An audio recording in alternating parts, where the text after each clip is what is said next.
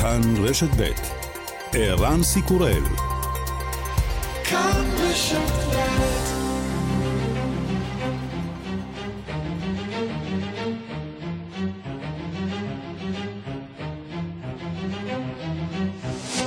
השעה הבינלאומית 7 במרס 2022 והיום בעולם.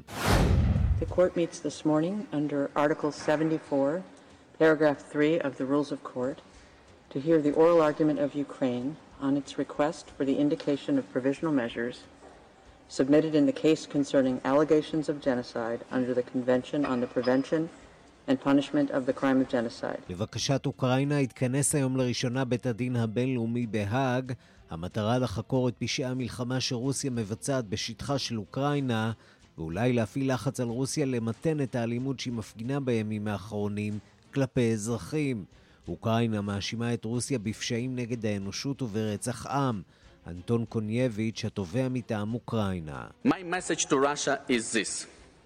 Let us settle our dispute like civilized nations. Lay down your arms and put forward your evidence. Ukraine respects this court and follows its orders. Russia must as well. But if Russia will not return to international law on its own, the court has the power to act. המסר שלי לרוסיה הוא זה, בואו נפתור את חילוקי הדעות שלנו כמו אומות מתורבתות, הניחו את הנשק שלכם והציגו את העובדות שלכם. אוקראינה מכבדת את בית המשפט הזה ופועלת על פי ההנחיות שלו. גם רוסיה צריכה לעשות זאת. אבל אם רוסיה לא תחזור לכללי החוק הבינלאומי, בית המשפט יכול לפעול. הלחימה מתקרבת לעיר קייב, בעיר אירפין, רק 15 קילומטרים מן הבירה. ניסו תושבים מבוהלים להימלט, לא כולם הצליחו להגיע בחיים.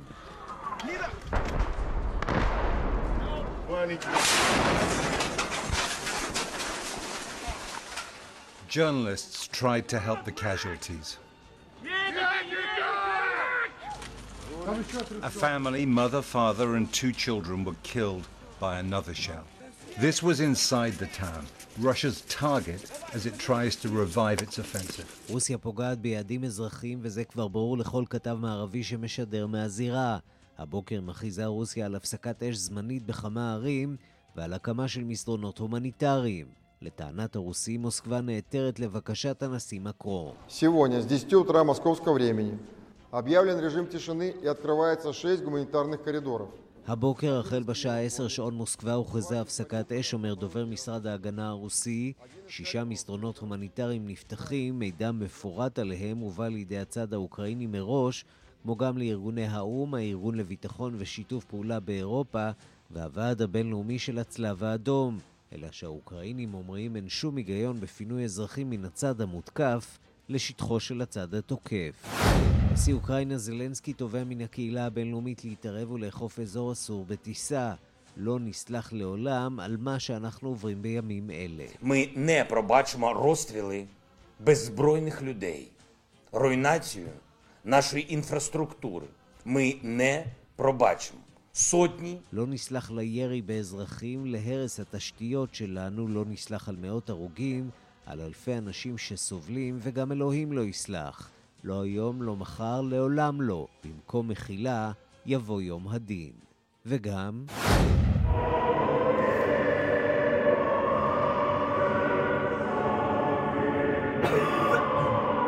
כך מעודדים את רוחם של האזרחים והלוחמים בחזית, בכיכר העצמאות הריקה בקייב, הושמע הבוקר ההמנון הלאומי של אוקראינה. האוקראינים מבטיחים, אנחנו מאוחדים מאי פעם.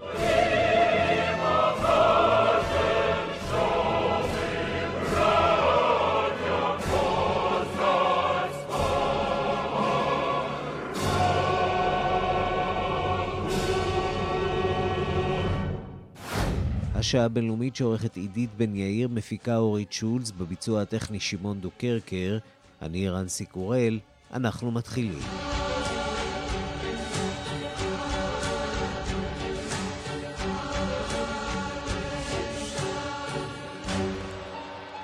שלום רב לכם, אה, ושלום לאמיר שמואלי שמעבר לזכוכית. סבב השיחות השלישי להפסקת אה, האש בין הרוסים והאוקראינים מתחיל ממש עכשיו בבלארוס. אנחנו רוצים להתעדכן, לשמוע מה צפוי לקרות שם? שלום לכתבתנו מיכל רשף. שלום ערן. כן, אז הדיונים האלה מתחילים, מתחילים באמת, הסבב השלישי שלהם מתחיל בבלארוס. היו דיווחים שזה אמור להתחיל בשעה 2, אחר כך היו דיווחים שזה אמור להתחיל בשעה 4. ככל הנראה, מתחיל בשעה זו בין הצדדים.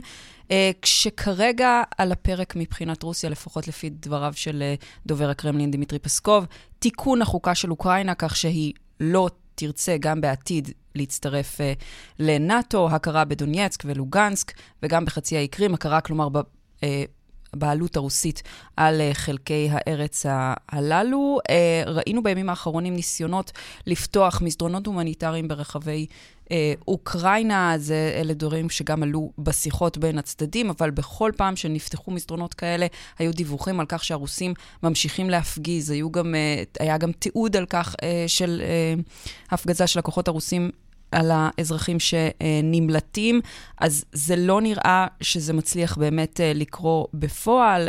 אוקראינה טוענת שלמשל 300 אלף אזרחים מבקשים להתפנות ממריופול, אה, שמכותרת על ידי הכוחות הרוסים. הם דורשים מסדרונות הומניטריים בקייב, בחרקיב, בסומי וגם במריופול. צבא רוסיה הבטיח לפתוח מסדרונות כאלה מהשעה 10 הבוקר, אבל בינתיים זה לא אה, קורה.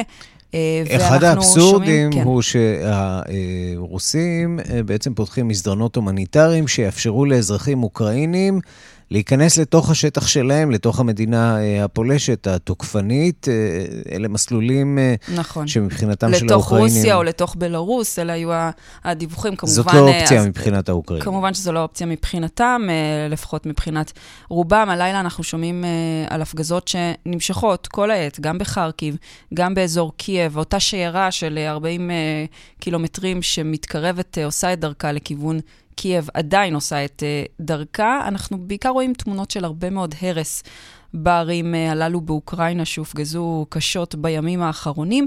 והמודיעין הבריטי שמפרסם את ההערכה שלו היום, אה, אומר שכרגע המטרה מבחינת הרוסים היא לשבש את התקשורת, את רשת האינטרנט באוקראינה.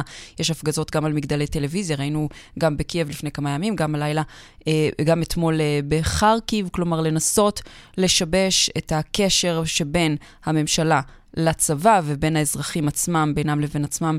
אה, כדי בעצם uh, ככה לפגוע ב, ביכולת שלהם לעשות uh, איזשהו תיאום ביניהם. Uh, ובמקביל, בית הדין הבינלאומי מתחיל uh, לדון במלחמה באוקראינה, בפשעי המלחמה שאוקראינה טוענת שרוסיה מבצעת שם, כשכל העת נמשכות uh, התמונות ונמשך זרם הפליטים. לפי נתוני האו"ם, הוא כבר הגיע למיליון ושבע מאות אלף פליטים. מיכל רשף, תודה. תודה. רצח העם של האוקראינים דומה מבחינתנו ליום כיפור שלכם, אומר שגריר אוקראינה בישראל יבגן אה, קורניאצוק במסיבת אה, עיתונאים שהוא מקיים לפני זמן קצר. גילי כהן, כתבתנו המדינית, היחס שלו אלינו בין אכזבה להערכה, מצד אחד הערכה ליוזמת אה, בנט, אבל גם אכזבה מהציפייה לאספקת נשק. הוא אפילו השתמש באקט תיאטרלי ולבש קסדה. הוא שאל, למה ישראל לא מספקת לנו ציוד כזה, גילי? נכון, אלו הדברים אה, של שגריר אוקראינה בישראל, שמנצל את מסיבת העיתונאים הזו בשביל להעביר פעם נוספת בקשה חינה לישראל לקבל ציוד הגנתי. אוקראינה נמצאת אה, בצורך ממשי לציוד, בעיקר קסדות ובעיקר ציוד מגן כמו שכפ"צים. הוא מדבר על כך שהם צריכים אלפים, אפילו עשרות אלפים מציוד המגן הזה, ולא מקבלים אותו מהרשויות הישראליות, אבל באותה נשימה הוא גם אומר כך: התיווך הישראלי, העובדה שראש הממשלה נפתלי בנט נסע בשבת למוסקבה כדי להשכין שלום, אלו דברי השגריר קורניצ'וק, חשובה לי כשגריר יותר מאשר אספקת נשק כזה או אחר. אם זה יצלח זה כמובן יחסוך אה, חיי אדם, יפסיק את שפיכות הדמים. הוא גם מדבר על המפגש שצפוי לקרות אה, בטורקיה ביום חמישי הקרוב, אה, על כך שזה מה שבעצם הם רוצים להשיג, שהדיפלומטיה אה, תנצח את הלחימה בשדה הקרב. המפגש הזה, הוא אומר, מפגש ש, שהוא לא בטוח שיניב איזה שהן תוצאות, הוא אומר לא שר החוץ לברוב הוא הדמות הרלוונטית שמקבלת החלטות, אבל אין ספק שמבחינת האוקראינים זו התקדמות אה, בניסיון כן להגיע לשיח ולהידברות, אולי גם להפסקת אש. אני שואלת אותו על אה, צבר השיחות של ראש הממשלה נפתלי בנט עם נשיא אוקראינה זלנסקי לאחר הפגישה עם פוטין, והוא משיב כך הממשלה שלנו עדיין בוחנת את האפשרות שירושלים תהווה את המקום שבו שיחות המשא ומתן בינינו ובין הרוסים יתקיימו, קרי התיווך הישראלי עדיין על השולחן, אחר כך הוא גם מבקש להודות גם על הפעילות ועל המאמצים של מדינות אירופיות נוספות, של צרפת, של גרמניה, הוא גם מזכיר את המאמצים של נשיא טורקיה ארדואן. ובהיבט הזה גם מודה לאספקת הסיוע ההומניטרי, אפילו קורא לישראלים שאין להם יותר מקום לציוד אה, שמיועד לאזרחים האוקראינים, מבקש להמתין קצת, לא לשלוח כרגע ציוד אה, וסיוע נוסף, לחכות שזה יישלח חזרה לאוקראינה, ורק לאחר מכן להמשיך להביא ציוד הומניטרי. גילי כהן, כתבתנו המדיני, תודה. תודה. ושלום אה, לקרל וולך, איש עסקים בקייב. שלום. אגב, יש עוד עסקים בקייב בימים אלה? לא ממש. לא ממש. יותר מחכים עד שיתחילו עסקים. אה, ומחכים אה, למרבה הצער גם אה, לרוסים, כיוון שנשמע שהם הולכים וסוגרים על העיר קייב. שמענו אתמול על האירועים המאוד מאוד קשים בערים סמוכות. עד כמה כן. זה קרוב אליכם? עד כמה מרגישים שזה עומד לקרות בכל רגע? תראה, אנחנו לא מרגישים שזה עומד אה, לקרות כל רגע, אנחנו גם לא מרגישים שזה בכלל עומד לקרות. אני מדבר על, ה, על המתקפה הרצינית על, על קייב. למרות אה, התמונות אתמול שהגיעו מאירפין של ירי על אזרחים אה, ואזרחים שנמלטים לבירה קייב, אתם לא רואים את התרחישים כן, האלה קורים במרכז קייב גם עכשיו? לא, לא, ממש לא. לא, לא ככה זה נראה, הרי הרופאים לא מצליחים. אז והם לא סוגרים, ולא מצליחים לסגור, ועוד תראה כמה ימים הם לא מצליחים לסגור, הם גם לא, לא מתקדמים. זאת אומרת, יש, יש כל מיני מאמצים, אבל זה לא... זהו, אנחנו שומעים על מאמצים אה, מצד אחד ממערב, באמת מאזור אה, אירפין, מצד שני, אה, באמת ניסיון להיכנס ממזרח, מערים שנמצאות במזרח, ניסיון לכבוש אותן. אה, ולהתקרב אה, יותר ויותר לכיוון קייב. בד בבד אנחנו שומעים על אותה שיירה שתקועה כבר המון המון זמן אה, בדרכים. יש איזה שהן אינדיקציות מה, מה גורם לשיירה הזאת לא להתקדם? ככל הנראה זה בעיות לוגיסטיות, במיוחד בעיות הדלק, אבל זה לא, כנראה שזאת לא הסיבה היחידה, זה גם הבוץ. אז בינתיים הם לא, לא נראים uh, שיירה ש, ש, שהיא מוכנה לתקוף. ממש לא. לא ככה זה נראה. המצב רוח של האוקראינים הוא, הייתי אומר, מרומה, למרות הכל, למרות כל האבדות וכל ה, כל הדברים. שומרים על מצב רוח טוב. ממש. יתרה מזה, אני לא יודע אם שמעת או לא שמעת, הם אה, בלילה או היום בבוקר הם השמידו 30 הליקופטרים בדרום, 30 במכה.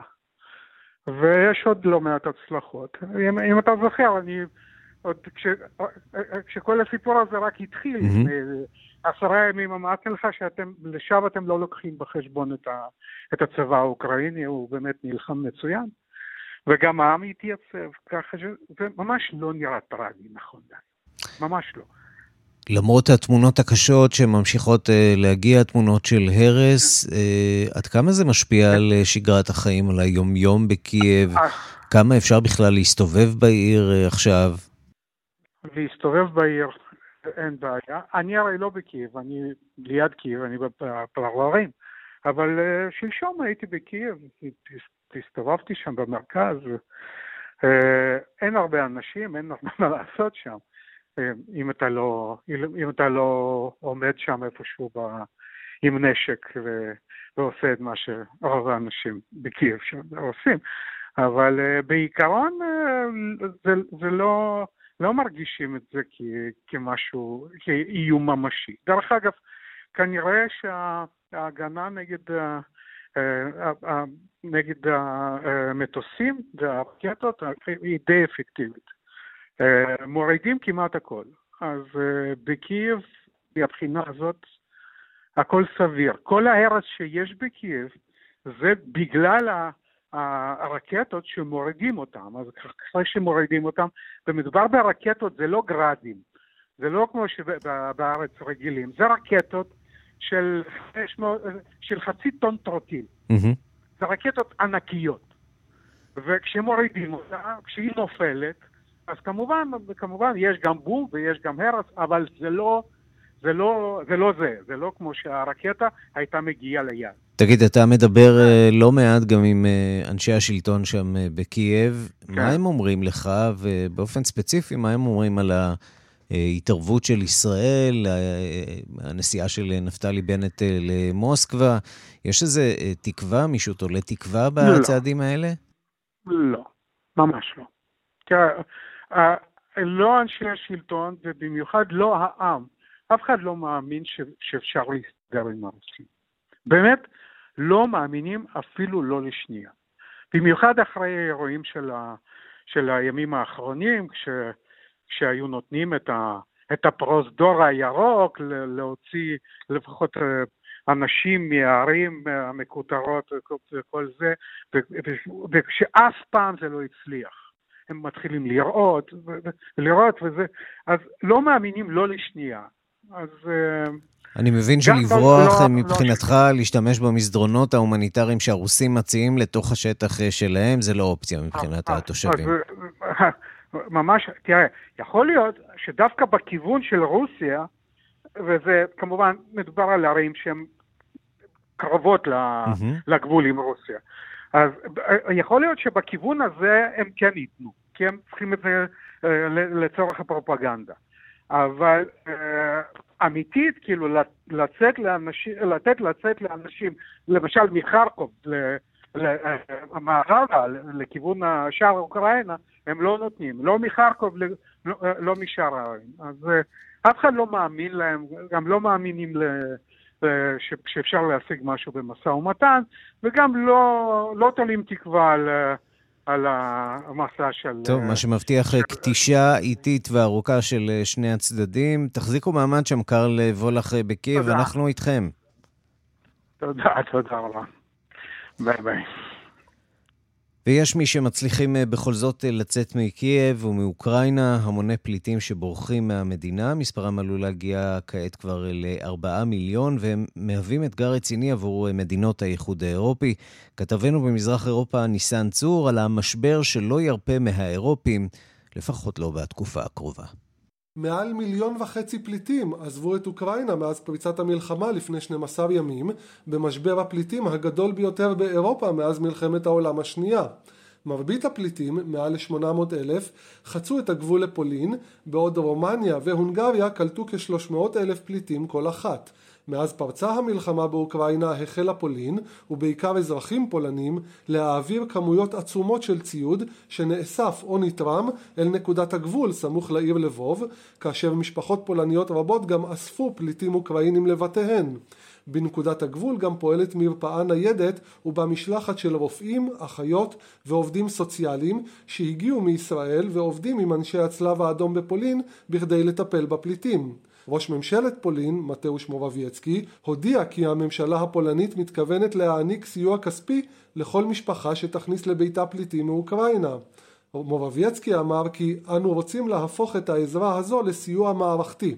זו הסיבה שהצענו הצעת חוק שאמורה לעלות להצבעה בפרלמנט בקרוב. לפי החוק החדש, אנשים שיערכו פליטי מלחמה מאוקראינה יקבלו 40 זלוטי ליום עבור כל פליט.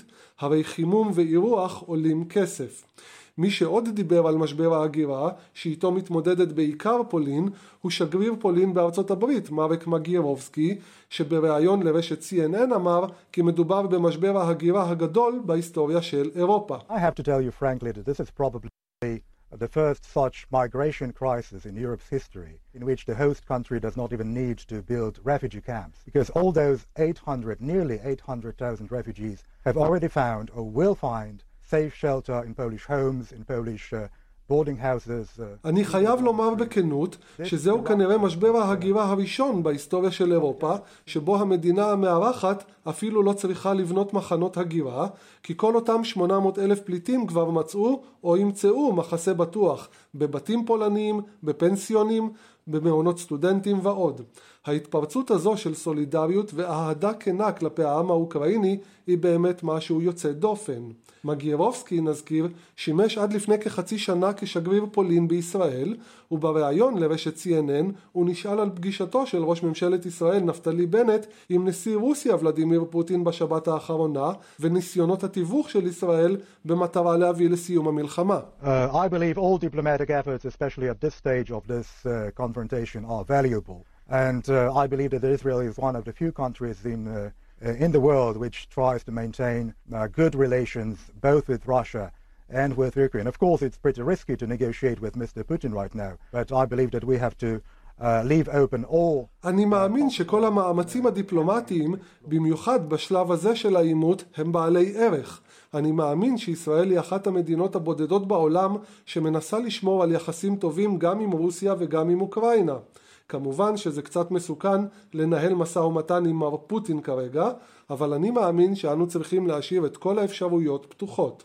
ולמרות שעד עתה אירופה מצליחה להתמודד די בהצלחה עם גל הפליטים שממשיך לזרום מאוקראינה אל מדינות האיחוד האירופי, סוכנות הפליטים של האו"ם הזהירה בימים האחרונים כי אם המלחמה תימשך בשבועות או בחודשים הקרובים, מספר הפליטים עלול לגדול עד ארבעה ואולי אף חמישה מיליון בני אדם שימלטו מאוקראינה למדינות השכנות, וראשי סוכנות הפליטים של האו"ם גם הזהירו מפני אסון הומניטרי שעלול להתרחש במידה וזרם הפליטים אכן יתגבר. ניסן צור, פולין. אנחנו ללביב, בירת אה, מערב אה, אוקראינה, שמהווה בסיס למשלוח וציוד אה, אספקה לערים שהותקפו בשטח על ידי הצבא הרוסי. ללביב אנחנו נגיע מעט מאוחר יותר, אבל עוד קודם לכן אנחנו רוצים לשמוע על עוד מאמץ דיפלומטי, כיוון אחד נוסף שאולי יכול להועיל בצורה כזאת או אחרת. סין, שרוצה להצטרף למדינות המתווכות, והיא משדלת את שני הצדדים אה, לשוחח זה עם זה, היא מנסה לשמור על ניטרליות. שלום ליעל עינב, מנהלת חברת וואי צ'יינה בסין של חי. שלום, ערן. אז סין מבטיחה היום ציוד חירום לאוקראינה, אה, זה המקסימום שהיא יכולה לתת אה, כרגע. סין לגמרי לא מתייצבת לצד אוקראינה פה בסכסוך הזה. לא, היא לא מתייצבת לצד אוקראינה, והיא גם לא, אה, גם לא לגמרי לצד רוסיה כמו שהיא הייתה בהתחלה, עם התמונות הבלתי נשכחות מפתיחת האולימפיאדה של אה, פוטין והנשיא שי ג'ינפינג, שהבטיחו ידידות אין קץ. אה, היא לא שם ולא שם, היא די מזגזגת. מה שהתחלת איתו הוא מאוד מאוד ברור, היא מאוד מאוד רוצה מעמד של מתווכת בינלאומית, היא רוצה מעמד של משכינת שלום בינלאומית, והיא תעשה הכל כדי להגיע לעמדה הזאת. עכשיו, היא גם יודעת, היא יודעת את כוחה. אם uh, בסך הכל ההשפעה כרגע על רוסיה uh, היא, היא גדולה ביותר. היא גם שותפת הסחר הגדולה ביותר של רוסיה, היא גם קונה ממנה את כל מוצרי האנרגיה והמזון. היא בעצם הגורם העולמי תחליט... היחיד שיש לו מנופי השפעה כרגע מול אה, רוסיה, בהינתן מציאות שבה אה, רוסיה בעצם מנותקת אה, מכל העולם, וסין הופכת אה, לצינור החמצן שלה. בדיוק כך. עכשיו, גם סין מאוד מאוד פרקטית, תמיד היא פרקטית ב- ביחסי חוץ שלה, והיא רוצה יציבות כלכלית, היא רוצה יציבות כלכלית, היא רוצה יציבות בינלאומית, זה רק משרת אותה, אה, את ההתפתחות הכלכלית שלה. במיוחד שהשנה הנשיא אה, שי ג'ינפינג אמור אה, להיבחר בעצם כהונה לכל החיים, ועד אז לא צופים שום דבר שיערער את, ה, אה, את הביטחון האזורי, ומה שקורה כרגע ברוסיה ובאוקראינה בכלל, בכלל, בכלל לא מתאים לתוכניות האלה. ולכן היא מנסה להרגיע, ולכן היא מנסה לחזור למעמד אה, בינלאומי של מתווכת ועושת שלום. הרי באופן כללי כל מה ששמענו מסין בשנתיים האחרונות זה כל מה שארצות הברית רוצה, היא רוצה ההפך. אה, וככה התחילה באמת, כשהתחיל המשבר, היא באופן טבעי יצאה כנגד אה, ארצות הברית וברית נאט"ו ו... אה, וסירבה לסנקציות וסירבה לכל דבר אחר שהוא התערבות בעניינים של רוסיה כביכול. עכשיו היא מדברת אחרת לגמרי, כי היא רואה שזה באמת מערער את היציבות. מערער את היציבות באזור, מערער את היציבות הכלכלית, היא כבר רואה פגיעה בייצוא.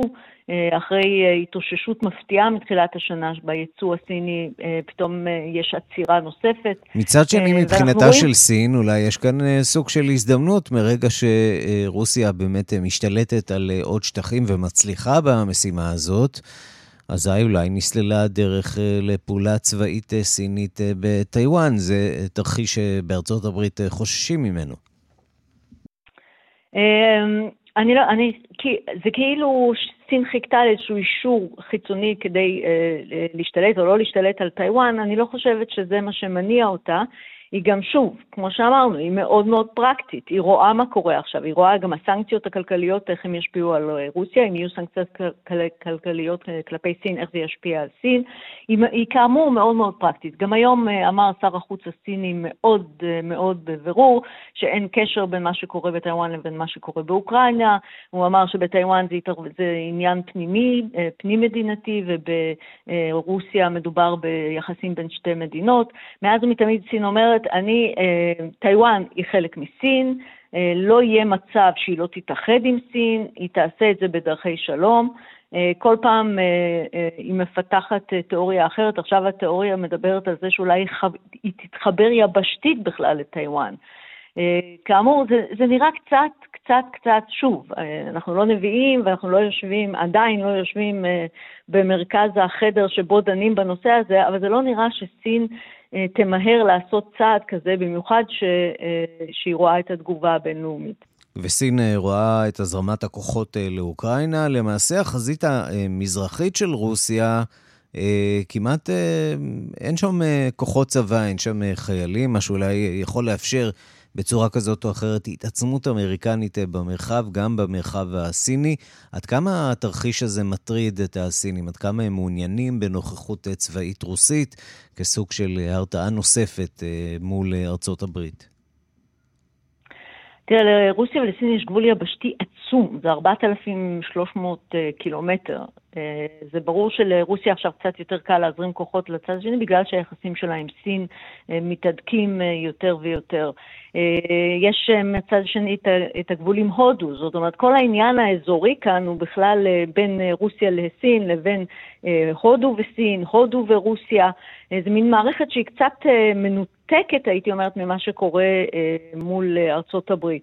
אני לא חושבת, או לפחות לא מדברים על זה כאן, ולא מדברים על זה לא ברשתות החברתיות. אגב, ברשתות החברתיות כאן, אני חייבת להגיד, שאם אה, סין הייתה תומכת באופן מלא ברוסיה, אנחנו לא היינו שומעים כל כך הרבה ביקורת ברשתות החברתיות, או לפחות המשטר לא היה מרשה את זה. אה, אני לא כולל תיאור בונה... של אה, הפצצות, הפרות זכויות אדם אה, בשטח אוקראינה, אלה דברים ששומעים עליהם בתקשורת הרוס... הסינית? תראה, זה פותח את החדשות כאן, זה... ברשתות החברתיות יש ביקורת עצומה בנושא זכויות האדם, הפרת זכויות האדם, תיאור הפליטים, יש כאן הרבה מאוד סינים ש... שמדווחים מאוקראינה. אה, גם ברשתות החברתיות, ובהחלט, מדברים על זה כל הזמן, ולא נראה שמישהו עוצר את זה, לא נראה איזה מגמה כזאת.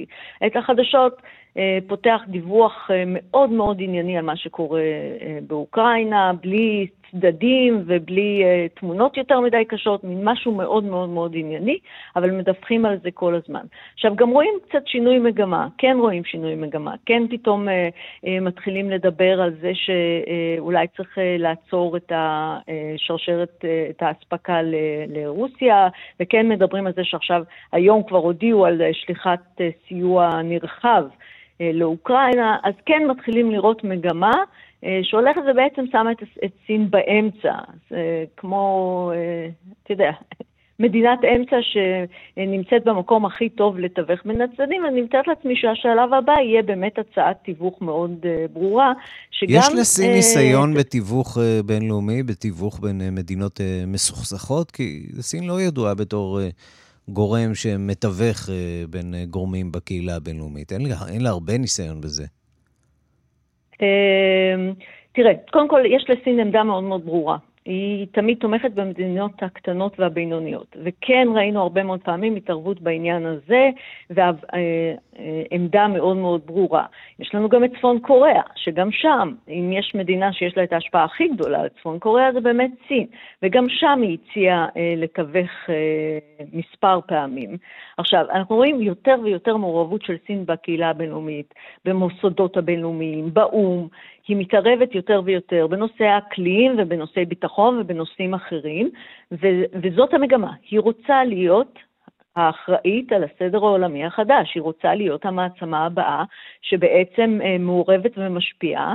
אה, יש בזה הרבה מאוד התרסה כלפי אה, ביידן והאמריקאים, שהם לא היחידים שמנהלים את הסדר טוב, העולמי. כדי שזה והאפס... יקרה, סין לא יכולה להימנע כל הזמן בהצבעות, וזה בפועל מה שהיא עושה בחודשים האחרונים. בעיקר סביב סוגיית אוקראינה-רוסיה, עוד ועוד הימנעויות בהצבעות באו"ם.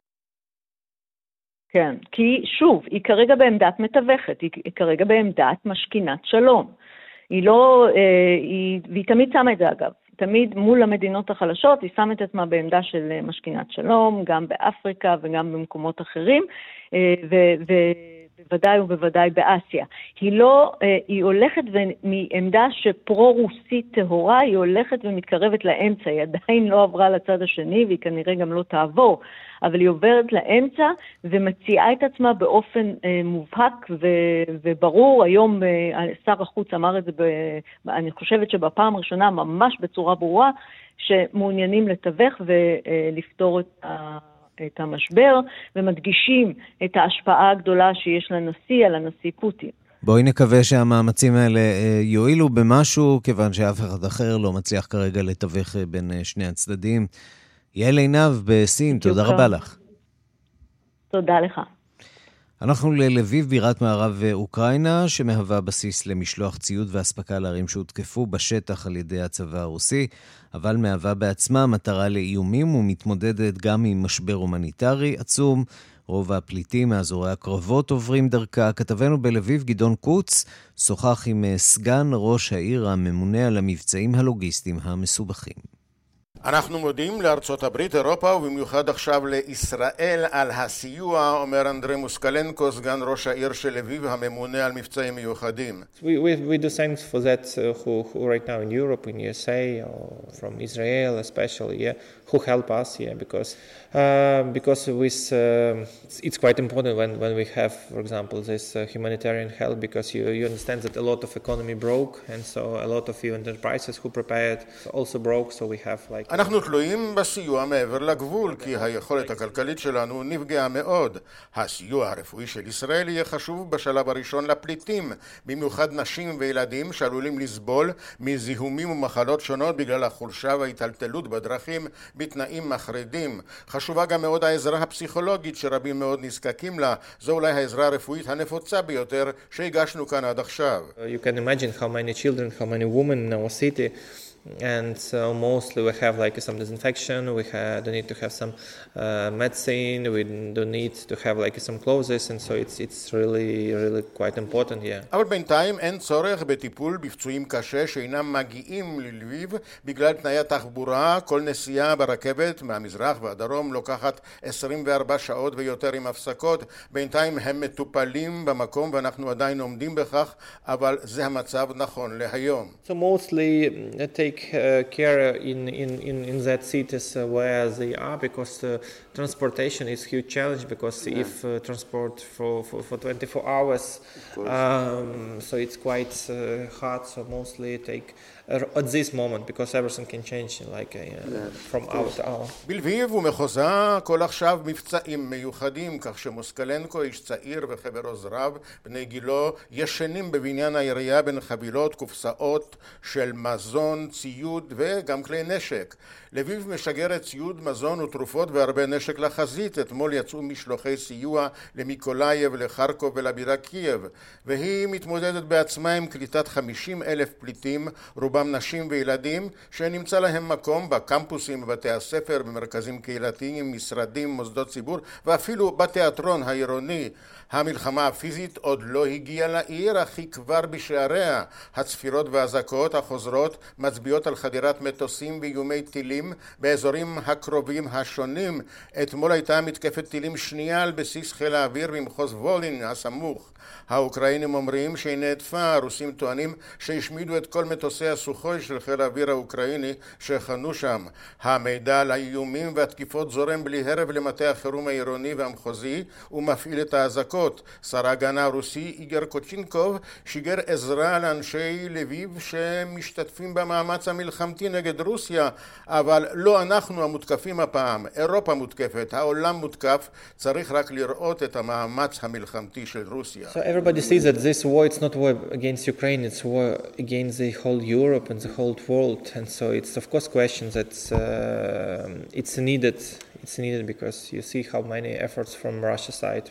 לכן אנחנו סומכים על הסיוע ההומניטרי, אך גם הצבאי מדובר בהצלת העולם, כך אנו מרגישים. הוא נמצא בקשר מתמיד עם הקהילה היהודית שאנשיה מסייעים בהגנה האזרחית, כמו מיפוי המקלטים והכשרתם, מה שנעשה קצת באיחור. בלביב שבה מתערבבים הפליטים, אנשי כוחות הביטחון, העובדים ההומניטריים, מהדיפלומטים שעוד נשארו ואלה שקופצים לביקורי יום, הפוליטיקאים והפעילים הלאומנים, נוצרה בימים אלה אווירה של חשדנות עד כדי ציד מרגלים, פעיל מקומי שצילם מחסום עם דגל אוקראיני נעצר באשמת ריגול, אבל מוסקלנקו טוען שבלבוב כולם מאוחדים, אין כאן פרו-רוסים. כאן גדעון קוץ, לביב, לבוב, אוקראינה. השעה הבינלאומית, אוקראינה פונה גם לנתיב המשפטי ופונה לבית הדין בהאג. שלום לפרופסור יובל שני. שלום. מומחה למשפט בינלאומי באוניברסיטה העברית ועמית בכיר במכון, במכון הישראלי לדמוקרטיה. מה בעצם טוענת אוקראינה ואיך היא מתכוונת להשתמש בכלי הזה של בית הדין כדי אולי להביא את רוסיה לדין, או לחילופין להפעיל סוג של לחץ מנוף בינלאומי פומבי על רוסיה. כן, אני חושב שהציפייה האמיתית של האוקראינים היא לא... היא, היא פחות שהאפיק המשפטי ייצר באופן ישיר השפעה על המציאות, ויותר להשתמש בה בהחלטות של גופים שיפוטיים כמו בית הדין הבינלאומי בהאג כדי להגביר את הלחץ הדיפלומטי והפוליטי ואולי גם הכלכלי על רוסיה. עכשיו, מה שאוקראינה מנסה לעשות בתיק הזה, צריך להגיד שבית הדין בהאג הוא פועל, הוא, הוא דן בסכסוכים בין מדינות, אבל אין לו סמכות כללית לדון בסכסוכים בין מדינות. זאת אומרת, לא, אין, אין מצב שבו מדינה יכולה להיגרר לבית הדין בעל כורחה. או במילים אחרות, שתי המדינות צריכות להחליט שהן הולכות לבוררות בבית הדין בהאג, כדי שהסיפור... כמו בבוררות, נכון. Mm-hmm. אבל, אבל יש לא מעט אמנות בינלאומיות שמסדירות נושאים מאוד ספציפיים, כמו זה יכול להיות זכויות אדם, זה יכול להיות מאבק בטרור, זה יכול להיות, כמו שמיד נדבר, מניעת הפשע הג'נוסייד, שבהן לגבי אותן אמנות ספציפיות המדינות הסכימו מראש שאם יתגלעו סכסוכים לגבי הפרשנות של האמנות או לגבי יישום האמנות, אז הם מסכימים שבית הדין הבינלאומי בהאג יוכל לדון לגבי האמנה הספציפית הזאת, האופן שבו היא מתפרשת או מיושמת. ומה שאוקראינה בעצם אה, עושה בעתירה שהגישה השבוע ושהיום אה, היה בדיון הראשון, אה, היא בעצם טוענת שיש בינה לבין רוסיה סכסוך סביב אמנת הג'נוסייד. עכשיו, זאת טענה מאוד אה, מתוחכמת, כי אה, אוקראינה לא טוענת שמה שרוסיה עושה באוקראינה עולה כדי ג'נוסייד. זו טענה מאוד מרחיקת לכת, וכנראה אין ראיות לתמוך בה. למה לא בעצם גירוש של אוכלוסייה אזרחית, מיליון וחצי פליטים שנאלצים לעזוב את בתיהם, להגר מהמדינה, אוכלוסייה תחת הפצצות, מדוע זה לא עומד תחת הקטגוריות של ג'נוסייד?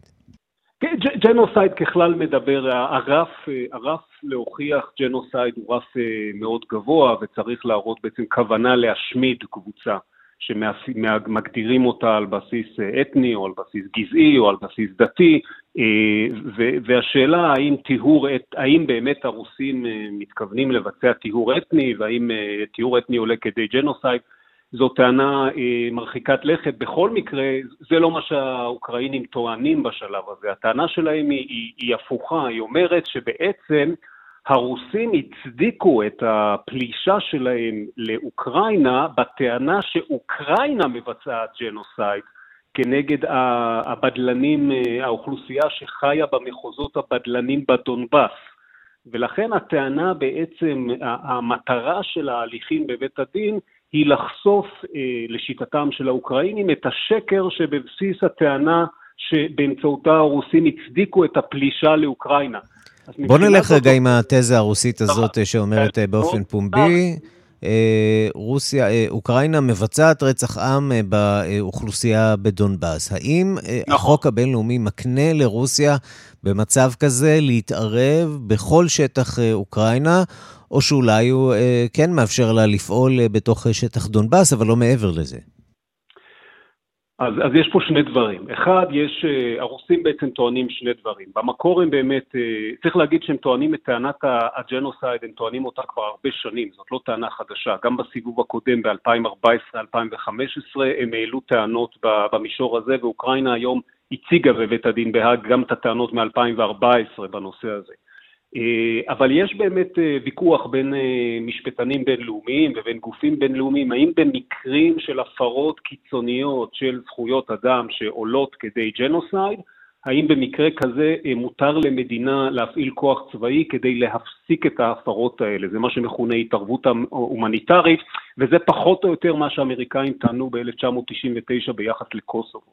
אז יש איזשהו, אה, איזשהו זנב לטענה הזאת שאפשר אולי אה, להחזיק בו. הרוסים חוץ מזה טוענים טענות שהם אה, מממשים את, זכות, את הזכות להגנה עצמית של שני המחוזות, שהם הכירו בהם כמדינות, והם באות, רוסיה באה לעזרתן של אותן מדינות. אבל מכיוון שהאוקראינים הם לא יכולים לטעון את כל הטענות, כי כמו שאמרנו קודם, הסמכות של בית הדין היא מאוד מוגבלת, הם היו צריכים למצוא אה, טענה שמתאימה לאמנה הרלוונטית, שזה פה אמנת הג'נוסייד, ולכן הם נתלו בעובדה שההנהגה הרוסית אה, טענה שאוקראינה מבצעת ג'נוסייד, והם אומרים בעצם לא היה ולא נברא, להפך, אנחנו, האלימות בחבל הארץ הזה ירדה, והיא מאוד רחוקה מלקיים את המאפיינים תגיד, אתה רואה איזשהו תרחיש שהמוסדות הבינלאומיים, שהמנגנונים הבינלאומיים אה, יענישו את פוטין, או יענישו את אה, בכירי הצמרת הרוסית באיזושהי קונסטלציה משפטית? תראה, די ברור שבית הדין הבינלאומי, זאת אומרת, סביר שבית הדין הבינלאומי, אם הוא יקבל החלטה שיש לו סמכות לדון בתיק, סביר להניח שהוא יפסוק לטובת אוקראינה. כי אה, באמת הטענה הרוסית נראית על פניה מאוד תלושה מהמציאות. אני, אה, אפשר להעיר שיש גם כבר, יש כבר הליך גם מ-2017 בפני אה, בית הדין, גם בתביעה אחרת שאוקראינה הגישה אה, נגד רוסיה סביב הפעילות שלה בדונבאס וב, ובקרים. יש במקביל גם הליכים במקומות אחרים, כולל בבית הדין הפלילי אה, הבינלאומי. אה, סביר מאוד להניח שהגופים האלה ייצרו חלקם או כולם החלטות משפטיות נגד רוסיה, שבעצם קובעות שרוסיה מפרה את המשפט הבינלאומי וצריכה אה, או לשלם פיצויים, או אם מדובר בהליך פלילי, להעמיד לדין את מי, אה, או לאפשר את ההסגרה לבית הדין של מי שביצע את אותם פשעים. השאלה פה היא כמובן שאלה של ציות, האם סביר שרוסיה תציית, והתשובה היא כמובן סביר שלא. צריך להגיד אגב, רוסיה לא התייצבה היום לדיון בבית הדין בהאג, mm-hmm. שזה כבר איזושהי אינדיקציה לכך שהנכונות שלה לשתף פעולה עם ההליכים אה, היא מאוד קטנה, כי עיקרון מי שיכול לאכוף את ההחלטות של בית הדין בהאג זה מועצת הביטחון, אבל אנחנו יודעים ש- שגם בהקשר הזה יש בעיה, כי לרוסיה יש שם וטו. כן, שבר עמוק אה, בקהילה הבינלאומית, אה, בעיקר אם מדינה חברה במועצת הביטחון ועוד חברה קבועה מחליטה להפר אה, זכויות אדם בצורה כל כך גורפת ולהפוך לתוקפן. פרופסור יובל שני מן האוניברסיטה העברית, עמית בכיר במכון הישראלי לדמוקרטיה, תודה רבה לך. תודה רבה.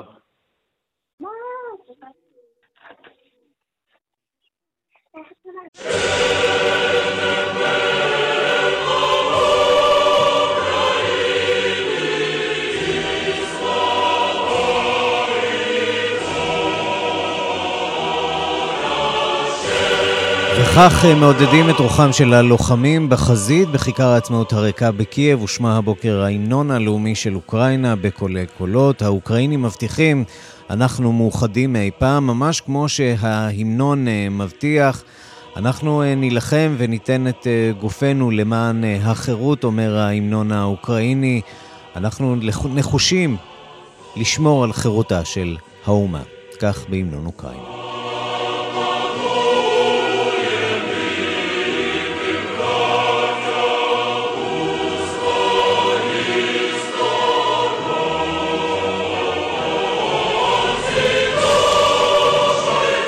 ועם ההמנון האוקראיני אנחנו חותמים עוד מהדורה של השעה הבינלאומית אה, שערכה עידית בן יאיר, אה, בביצוע הטכני אמיר שמואלי ושמעון דוקרקר, המפיקה אורית אה, שולץ, אני רנסי קורל. מיד אחרינו רגעי קסם עם גדי לבנה, אנחנו ניפגש שוב מחר בשתיים בצהריים עם מהדורה החדשה של השעה הבינלאומית, יהיה כאן יואב זהבי. אנחנו מזמינים אתכם להמשיך להתעדכן 24 שעות ביממה ביישומון של כאן, שם תוכלו למצוא את כל הדיווחים, הפרשנויות, הכתבות ומהדורות הרדיו והטלוויזיה בשידור חי. כתובת הדואר האלקטרוני שלנו, בינלאומית את כאן.org.il. יום שקט ושלב לכולם, גם בארץ וגם באוקראינה.